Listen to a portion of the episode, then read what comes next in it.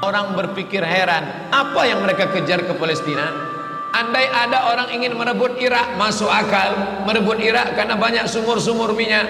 Andai ada mau ekspansi ke Kuwait, masuk akal. Karena sumur minyak di Kuwait banyak. Kenapa kembali ke Palestina? Ada apa?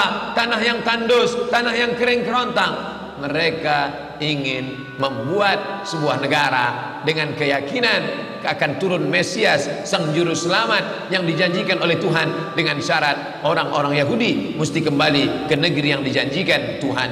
Yang kedua Mesias sedang menunggu. Mesias melihat ke bawah. Kalau dia tengok di bawah masih banyak gurun pasir dia tidak mau turun. Dia ingin melihat hijau kalau sudah dibentang karpet hijau baru dia turun ke bawah maka yang dimaksud dengan hijau itu adalah ditanami tanaman-tanaman hijau, penghijauan yang luar biasa. Dan ketika Israel masuk ke Palestina, mereka ambil tanah itu, mereka hancurkan rumah orang Islam, mereka buat tembok panjang. Penjara terbesar dan terpanjang di dunia adalah Palestina. Mereka kurung orang Palestina. Mereka buat tembok beton yang tinggi, panjangnya 700 km lebih dari Pekanbaru. Kita lihat anda menuju Medan Sumatera Utara. 600 km Mereka membuat tembok tinggi 700 km Bayangkan umat Islam terisolir Dan mereka tanami hijau-hijau. Makanya Allah berkuasa. Allah mau tunjukkan kuasa Lalu Allah buat tanaman hijau itu menyala. Dalam pokok yang hijau itu menyala beberapa bulan yang lalu. Heran orang. Allah mau menunjukkan kekuasaannya. Kalian tidak mau tolong Palestina. Aku yang akan menolongnya. Tanaman yang hijau yang mereka tanam itu tiba-tiba terbakar tidak ada yang bisa mematikannya. Sampai-sampai reporter wartawan Amerika mengatakan tidak ada yang bisa mematikan kebakaran ini kecuali Tuhan karena dia yang membakarnya. Mengerti keadaan kita zaman sekarang. Jangan sampai dikatakan Palestina bukan urusan kita. Ini kan masalah politik. Indonesia ya Indonesia Palestina ya Palestina antum tidak mengerti masalah dunia. Palestina adalah masalah umat Islam. Subhanalladzi asra bi abdihi. Maha suci Allah yang sudah memperjalankan hambanya. Minal masjidil haram dari masjidil haram. Ilal masjidil aqsa masjidil aqsa. Masjidil aqsa Palestina.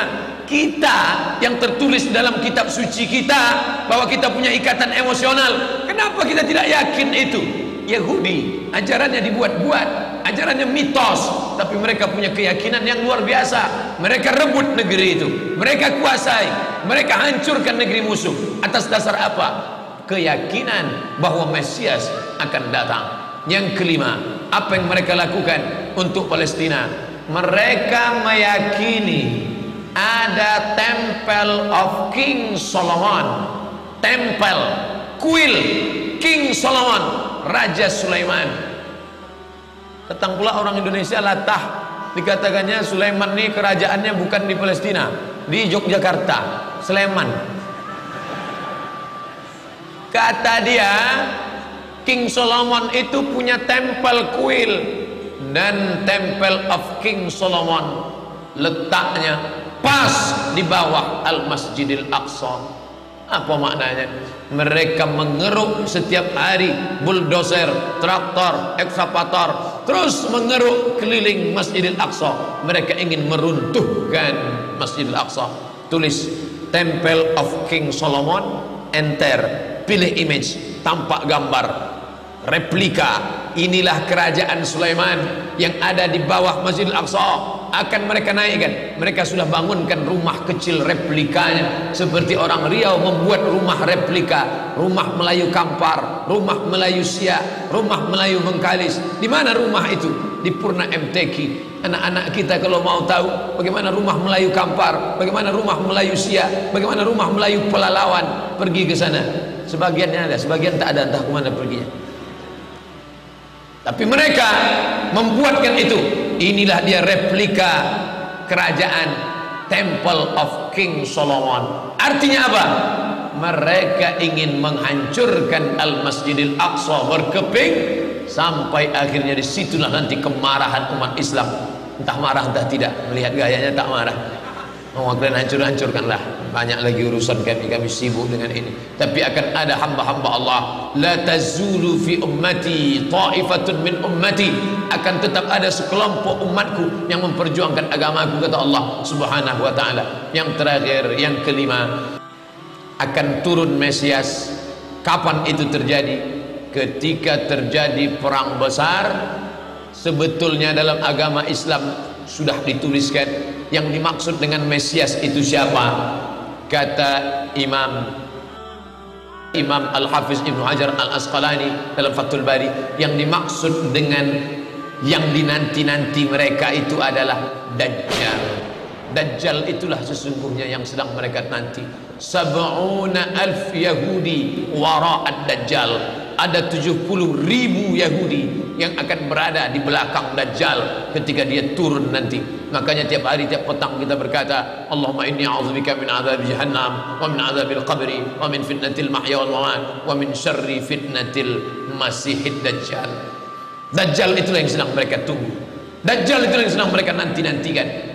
Kita menantikan kedatangan dia pun juga menantikan akan kedatangannya. Bedanya apa?